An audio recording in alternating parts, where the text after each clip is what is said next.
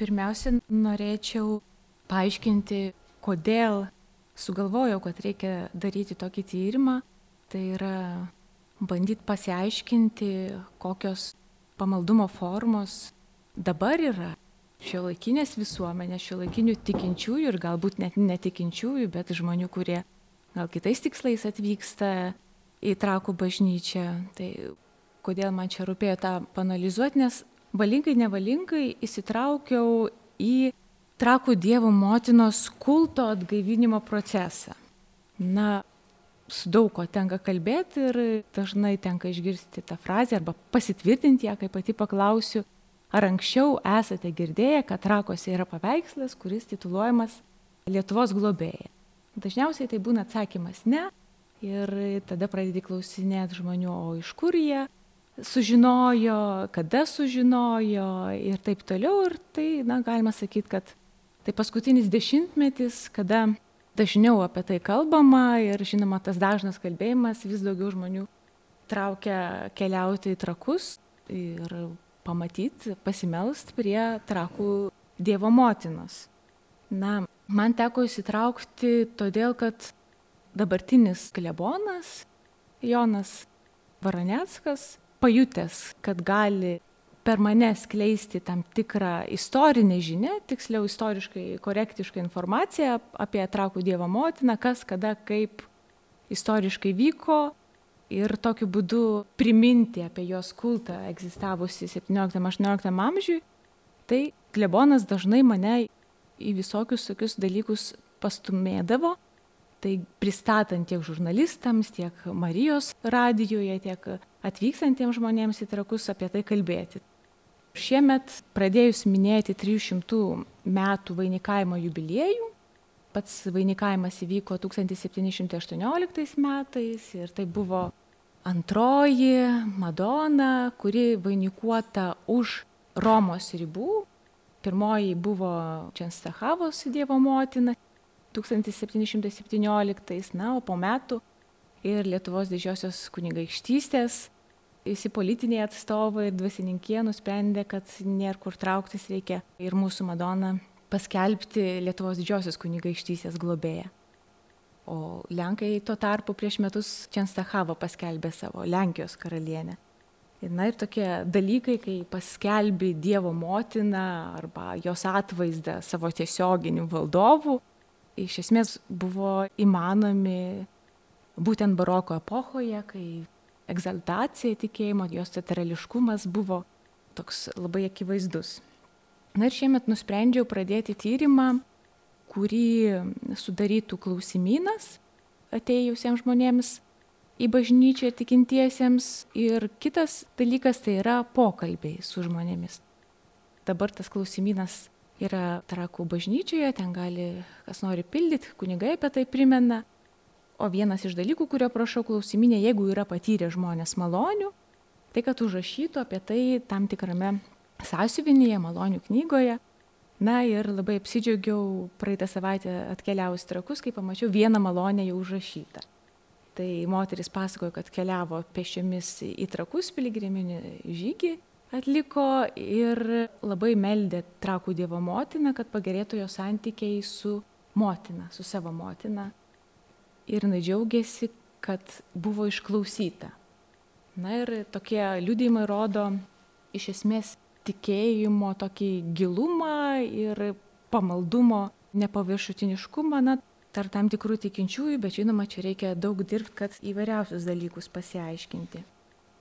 Vienas pagrindinių dalykų, kuris atkreipia dėmesį, domintis trakų Dievo Madona ir jos kulto dabar iškelimu, tai kaip yra komunikuojama Vytauto atmintis.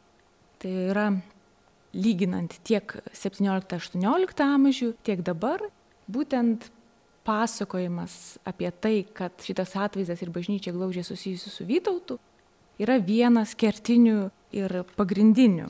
Ir šita legenda apie Vytautą yra suformuota 17 amžiui kai trakų Dievo motinos atvaizdas buvo pertapytas, bizantizuotas ir pritaikytas prie šitos legendos, tai yra antroje paveikslo pusėje yra lotyniškai užrašyta legenda, kad šitas stebuklingas Dievo motinos atvaizdas buvo padovanotas Bizantijos imperatoriaus Emanuelio Paleologo antrojo Vytauto Krikšto proga. Ir šita legenda yra labai svarbi, nes ir dabar žmonės kalbinant ar klausiant jų, jie nebūtinai šitą konkrečiai legendą prisimena, bet sieja, kad čia štai nuo Vytauto laikų net. Tai yra paveikslo senumas yra vienas iš tų dalykų, kurie svarbu žmonėms ir ypač ta Vytauto atmintis. O šitas užrašymas ant paveikslo rodo iš esmės tokį politinį veiksmą tų veikėjų, kurie rūpinosi XVII amžiuje, kad trakų Dievo motina taptų valstybinio pamaldumo vieta. Na, tai yra propagandinis gestas, kad na, per legendą tu tą dalyką įtvirtini. Na ir vat užrašas yra, nepaneigs jo. Įdomu tai, kad tas pats užrašas randamas ant dviejų Marijos atvaizdų. Abu jie susijęs su trakais. Vienas yra senųjų trakų Dievo motina, o kitas yra naujųjų trakų Dievo motina, jau ta Lietuvos didžiosios kunigaikštystės globėja. Ir va tas tokio naivesnio stiliaus yra iš senųjų trakų, na jau va tas toks emancipuotas, toks estetiškai gražus trakų dievo motina. Tai bet abu jie siejami su Vytautu. Na ir meno istorikai aiškina, kad greičiausiai pati legenda turi tam tikrą istorinį pagrindą, nes Vytautui tikėtina, kad Vytautų iš tikrųjų Bizantijos valdovai dovanojo atvaizdą, nes tų atvaizdų dovanojimas buvo siejamas su diplomatija, bandymu užtikrinti gerus santykius ir kovoje ir su priešais. Šiemet pasijuto, kad įvyko tam tikras lūžis, kai žmonės pradėjo žiūrėti į trakų Dievo motiną ir jos visą šitą tokį vajų, to kulto atgaivinimą ne kaip į naują dalyką, kaip tarsi taip buvo jau ir visada, jau tarsi ir priprasta. Na ir tą buvo galima stebėti per iš tikrųjų tokią įspūdį palikusias iškilmes, tai bazilikos vardo suteikimo iškilmes.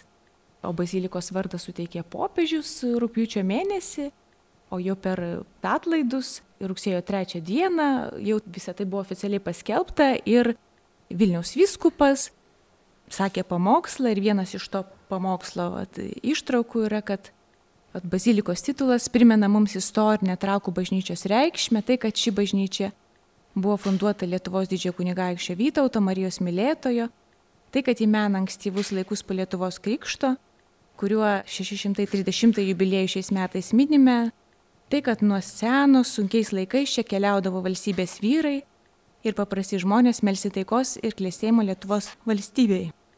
Na ir žinoma, kas labai svarbu ir šito žinutėje, kad kalbant apie trakų Dievo motinos paveikslą negalima atsijėti viso to ir nuo pačios bažnyčios istorijos. Tai yra labai glaudžiai susiję.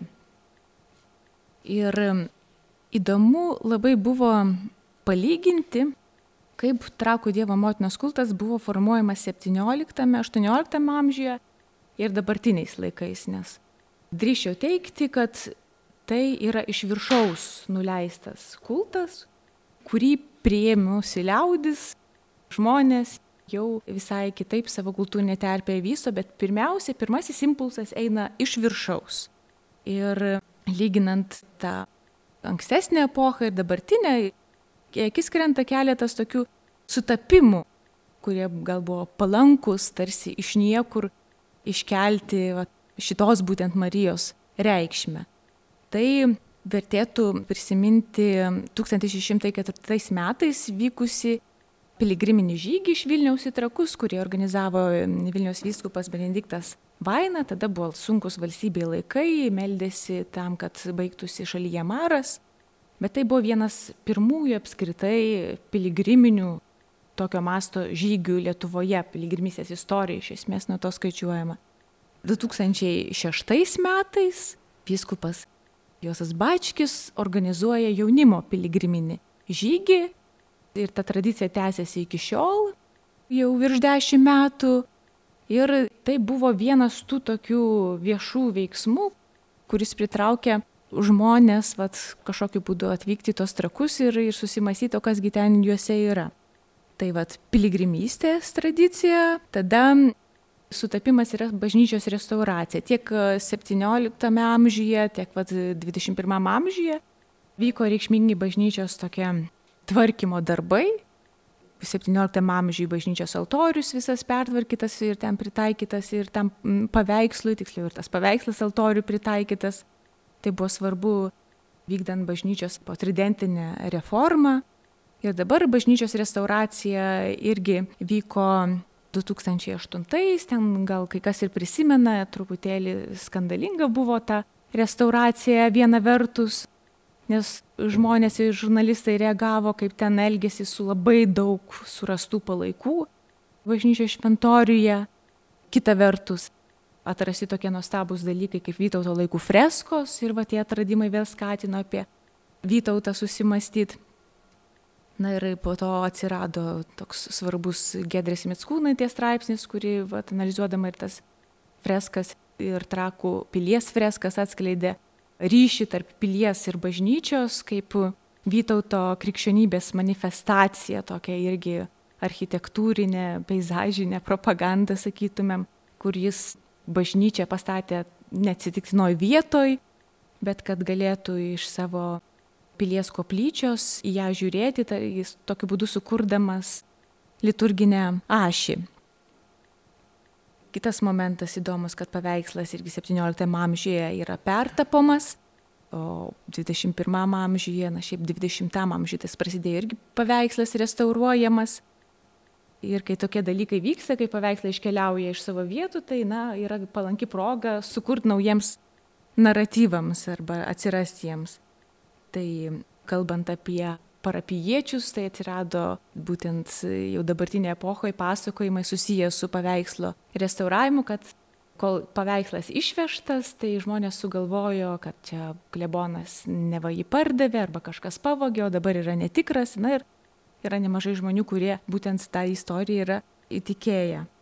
Na ir galima išskirti tokį dalyką, kalbant apie valstybinį kultą kaip aristokratijos dėmesį, valdovų dėmesį konkretų, jeigu 17-18 amžius ir būtent dabartiniam amžiui tai yra politikų dėmesys, jis yra neatsitiktinis, prie jo truputėlį irgi vėliau grįšim. Na ir tuo metu buvo piligrimystė ir Marijos kultas aktualūs dėl to, kad evangelizacija tai Lietuvos didžiosios kunigaikštystės tikrai dar nebuvo baigta, procesas vyko ir, kaip žinia, ir tų šventų geraičių dar Lietuvoje buvo ir jas naikino, tada prasidėjo reformacija ir katalikybė reagavo kontrreformacijos judėjimą. Ir visi šitie dalykai, kaip piligrimystės ir Marijos kulto stiprinimas buvo svarbu įtvirtinant katalikybės dominavimą Lietuvos didžioji kunigaikštystėje. Na, dabartinis iššūkis tai būtų gal labiau sekularizmas, nes irgi tokie įvykiai kaip vat, kulto atgaivinimas, jie skatina žmonės kažkaip tai galbūt į atsivertimus ar dar kažkokius dalykus. Na ir žinoma, tas Lietuvos globėjos titulo suteikimas ankstesniais laikais ir dabar jo visiškas prisiminimas irgi sutampa, na ir paveikslo vainikavimas bei bazilikos titulo suteikimas irgi tarsi vat, yra sąsajas tarp tų epochų. Kodėl apie tai na, verta kalbėti, nes kai pažiūrėm, kokie yra tie turimi ir žinomi trakų Dievo motinos atvaizdai, čia vad, kur Marija vaizduojama ir visų ūgių, čia iš Stanislavo Mankievičiaus knygutės, kur 17 amžiuje išleista apie trakų Dievo motiną stebuklus, va tą viso ūgio Mariją ir toliau įvairius ražiniai. Na, žmonės iš tikrųjų galvodami apie trakų Dievo motiną labai skirtingus gali dalykus įsivaizduoti ir kad tai yra na, labai tokia labili koncepcija. O kalbant apie viso ūgio Mariją, tai čia atitinka dabartinius tos restauratorių atliktus tyrimus ir įrodymus, kad iš tikrųjų Trakų Dievo motina 17 amžiui buvo pertapyta iš viso ūgio Madonos ir bizantizuota, pritaikant prie legendos apie tai, kad Bizantijos imperatorius dovanojo Ir tuo jinai yra iš esmės labai įdomi ir priimtina ir meno mylėtojams, nes joje persipina tiek vakarų Europos menas, tiek va, tas Bizantijos. Na čia trumpas toks pavyzdys iš rengenograma 1994 metais daryto paveikslo. Toje rengenogramai matosi sluoksniai įvairių epochų, taip kaip ta Marija buvo pertapama. Na ir iš esmės tai, kas dabar vyksta atgaivinant kultą, tai būtų irgi galima drąsiai tiesiog pavadinti vienu žodžiu, tai yra restauracija jo. Lyginant su XVII amžiuje, čia irgi yra ištrauka iš minėto Mankevičiaus knygos apie trakų stebuklus, kuris rašo žemaičių vyskupui ir trakų klebonui Jurgiui Tiškevičiui irgi apie tokius dalykus, kad štai lygi šioliai tas paveikslas, kaip jis vadina trakų perlas, dabartinės kartos palaidotas užmaršties pelenuose. Na ir ten toliau jau labai pakilėtais rašo apie bažnyčią, apie čia patiriamas malonės ir kad pati bažnyčia yra Mirakulių mundi, tai pasaulio stebuklas, na vėlgi neatsėdamas paveikslą nuo bažnyčios. Tai, na, atskleidžia, kad rūpešiai 17 amžiuje ir 21 amžiuje dėl trakų dievo motinos buvo panašus.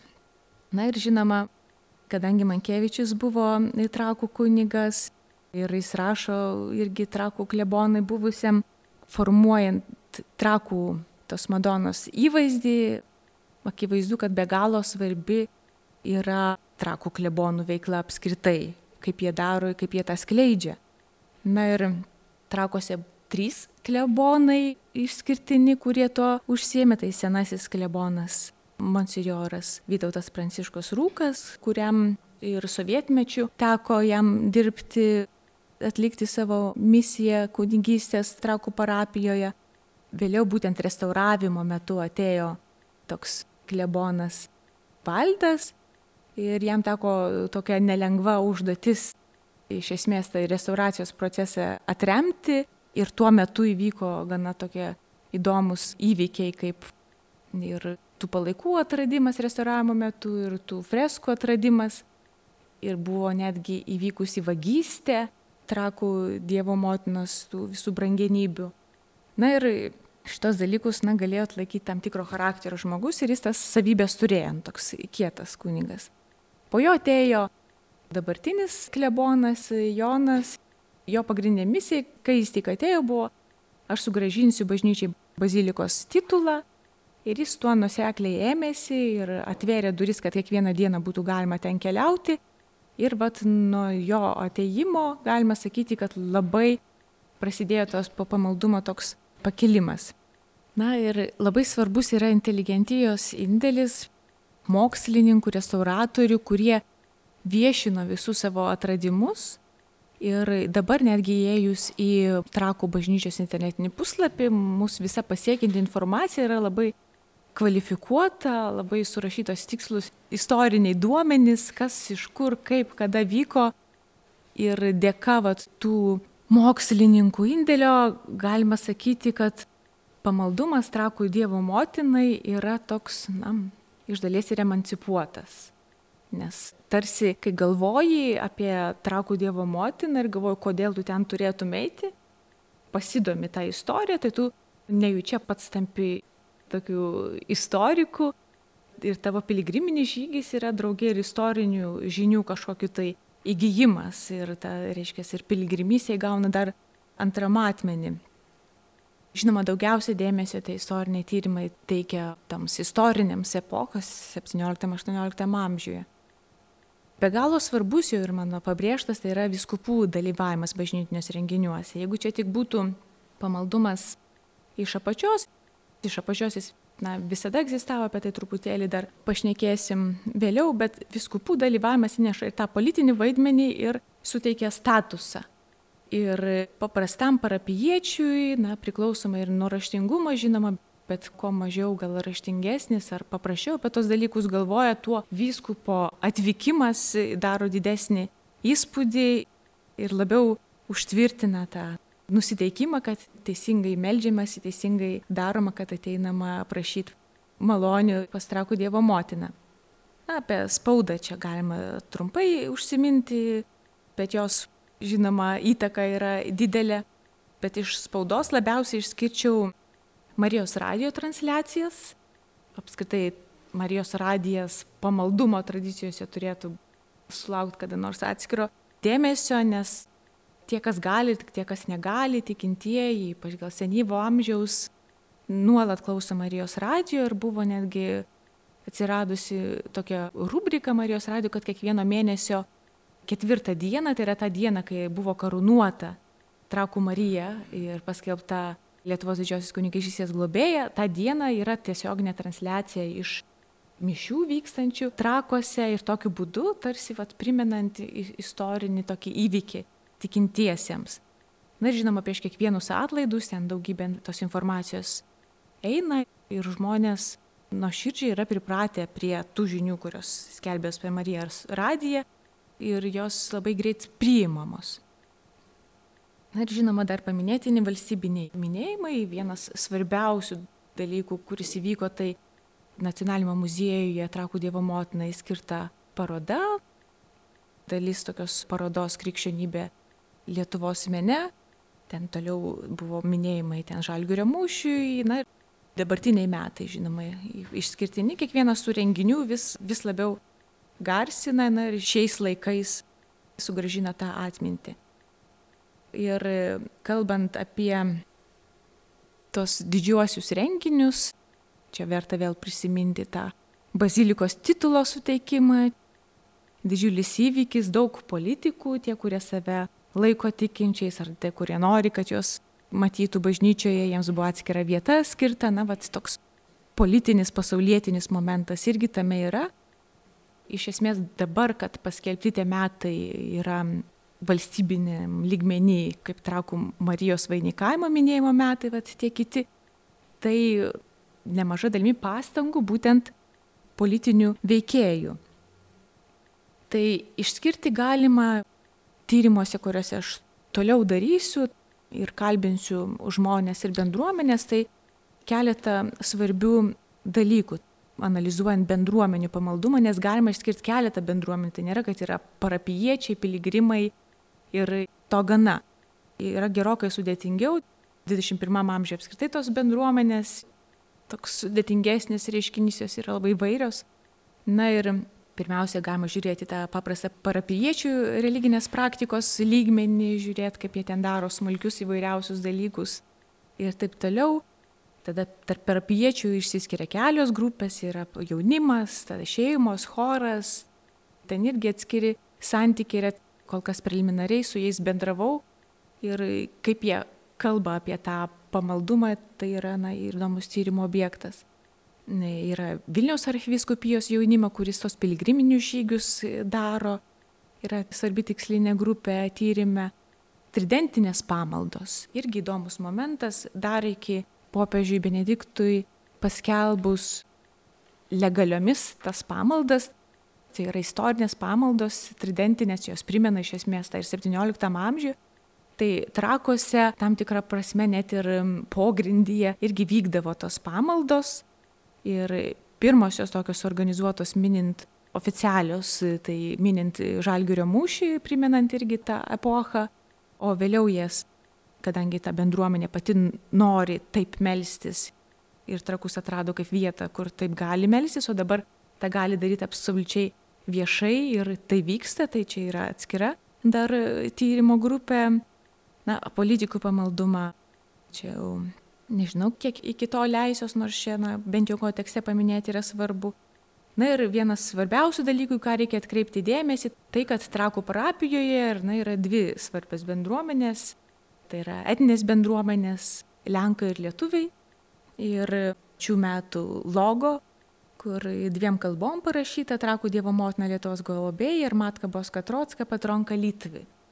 Tai yra dalykų, kuriuose sutampa abiejų etninių grupių pamaldumo elementai, o yra, kur jie yra skirtingi ir čia tą skirtingumą išsiaiškinti galima tik tai giluminių pokalbių metu. Ir žinoma, su kiekviena iš tų grupių stengiantis bendrauti jų kalbą.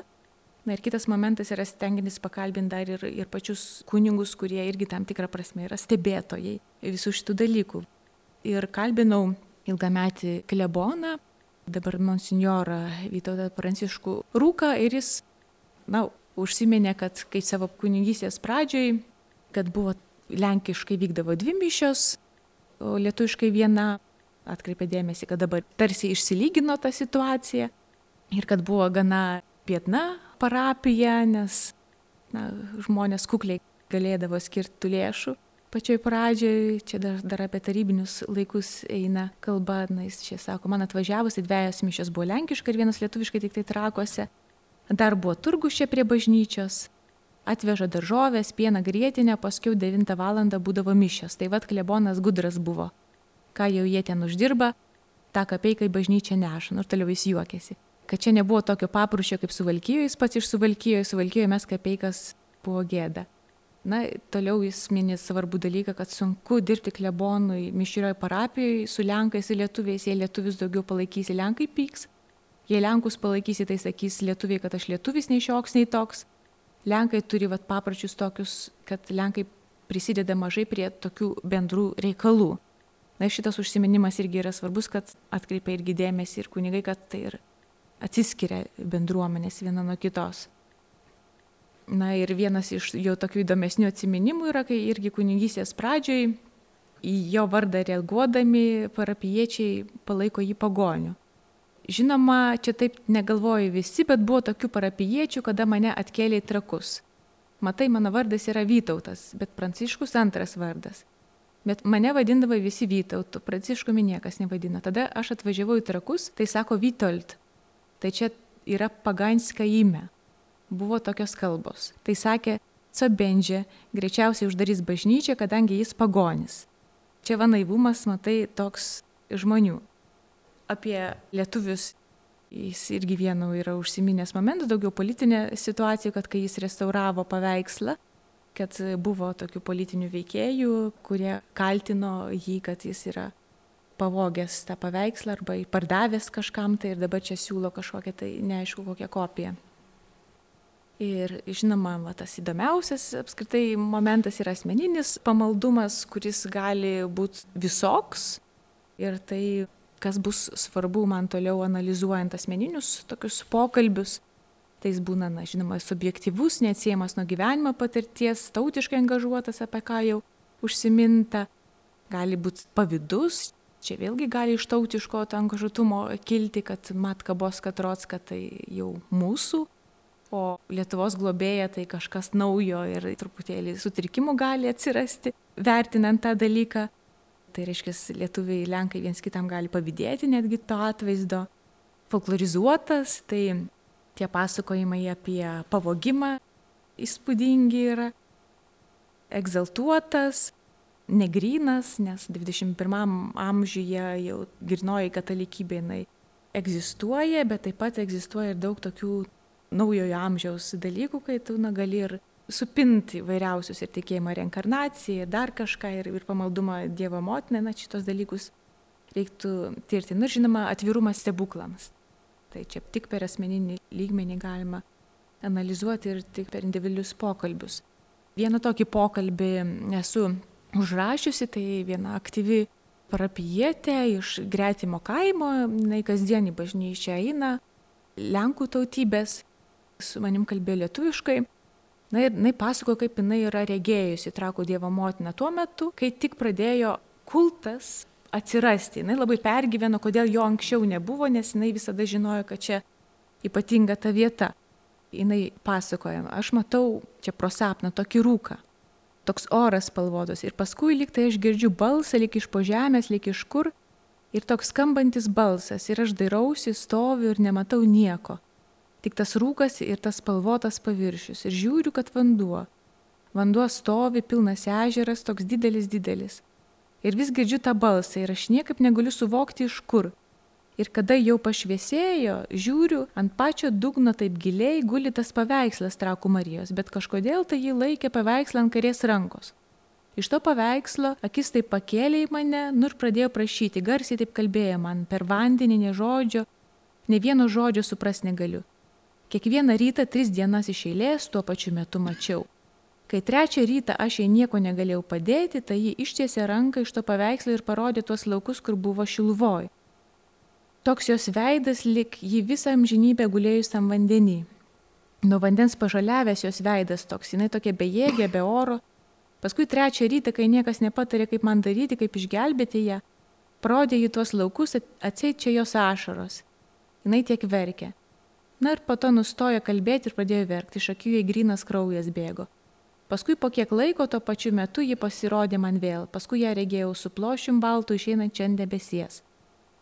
Ir taip prašėsi, kad išimti iš vandens, tarsi iš užmaršties, o apie šilumą jinai toliau į pokalbis ten gana ilgas, jinai komentavo, kad štai, va, šiluva, jinai, jinai tarsi visą garbę pasiema, nu, tarsi konkurencija tarp Marijų.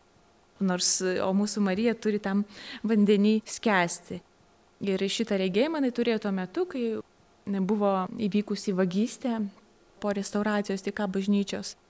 Ir irgi labai pergina, visi tuo metu meldėsi, o staiga net sapnuoja tokį sapną, kuris irgi iš folklorinių tyrimų perspektyvos yra na, labai įdomus, nes čia vėlgi pasikartoja, kad tris kartus sapnuota ir kad tas vandenį buvimas ir taip toliau čia na, yra ką tirti. Ir toliau kitas liudijimas iš moters, kuri jau seniai negali eiti į bažnyčią, bet nuolat meldžiasi savo namuose ir irgi sapnavo prieš išvežant Dievo motiną restauracijai, sapnavo ją.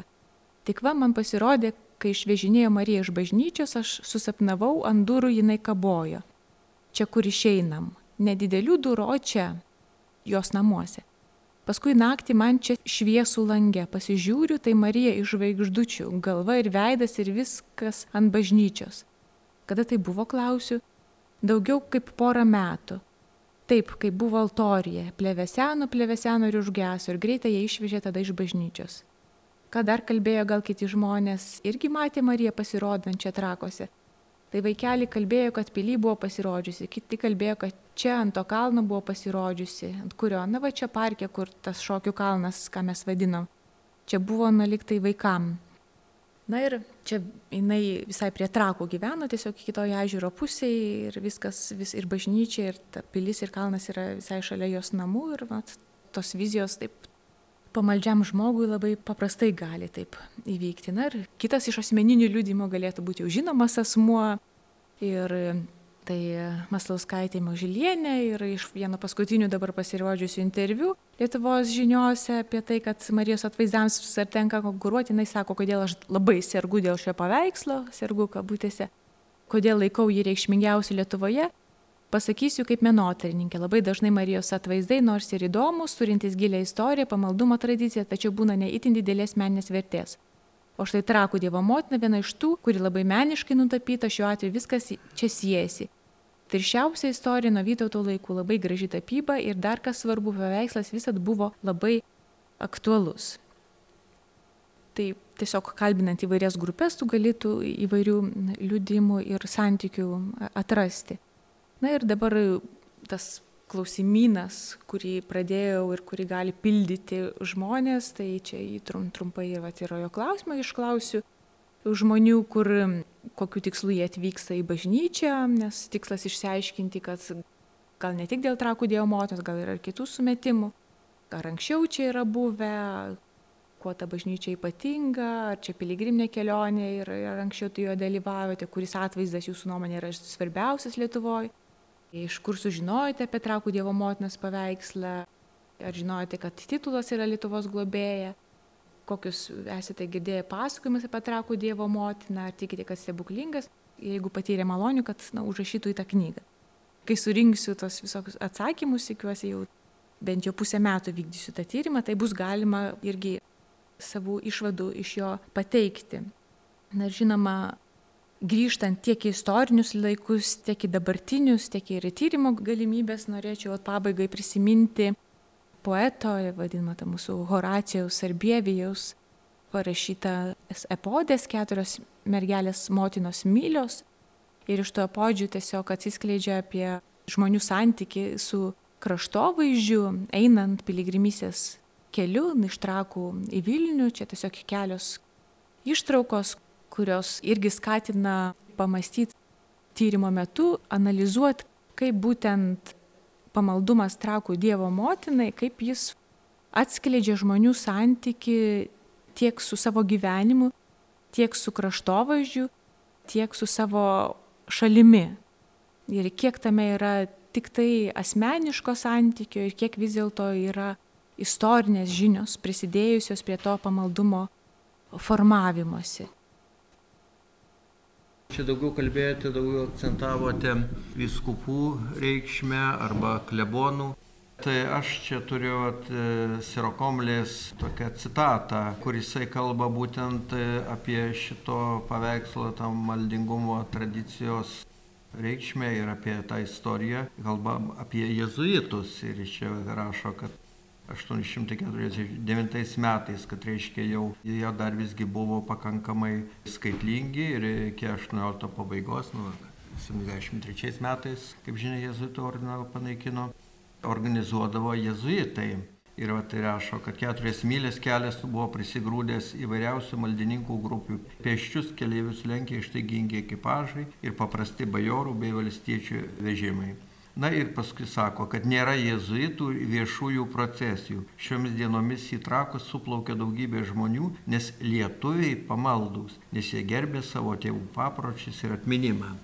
Tai atsirakomlė būtent jisai apie jėzuitus ir kaip šitas. Patis. Na, kadangi daugiausia vis tiek akcentavau, kas šiais laikais vyksta, tai šiais laikais jezuitai, na, kaip paties kulto įdėgymo procese 17 amžiuje, tai jie atliko labai svarbu vaidmenį, nes, na, tai siejusi ir su kontrreformacija, nes jezuitai čia atsiusti buvo kaip kovoti su reformacijos idėjomis ir čia įsteigė tą aukštąją mokyklą, na, jie jautėsi už tai atsakingi ir jų piligriminiai žygiai buvo na, vienas iš tų dalykų, nes piligriminis žygis buvo vienas iš apskritai svarbiausių gal būdų katalikybę stiprinti, kas 17 amžiuje atsirado ir būtent jezuitai tą ir darė. Jų istorinis indėlis yra be galo svarbus, bet kalbant apie 21 amžių, tai jų toj scenoje nebematome. Tai va, ar jūs nepamastėte, kodėl jie to nesijėmė? Pagrindinis argumentas mano būtų tai, kad tas XIX amžius, caro okupacijos laikotarpis, kada buvo varžomi tie visi tokie dalykai ir ypač oficialūs ir būtent prie tokio svarbaus paveikslo, kuris siejasi su valstybingumu, buvo ribojamas. Pamaldumas ir tie pilgriminiai žygiai net ir draudžiami, o sovietmečių irgi, na, tarsi ir negalimi. Tai jezuito ordinas ypač 20 amžiui nuo jo tarsi ir negalėjusi viešai reikštis.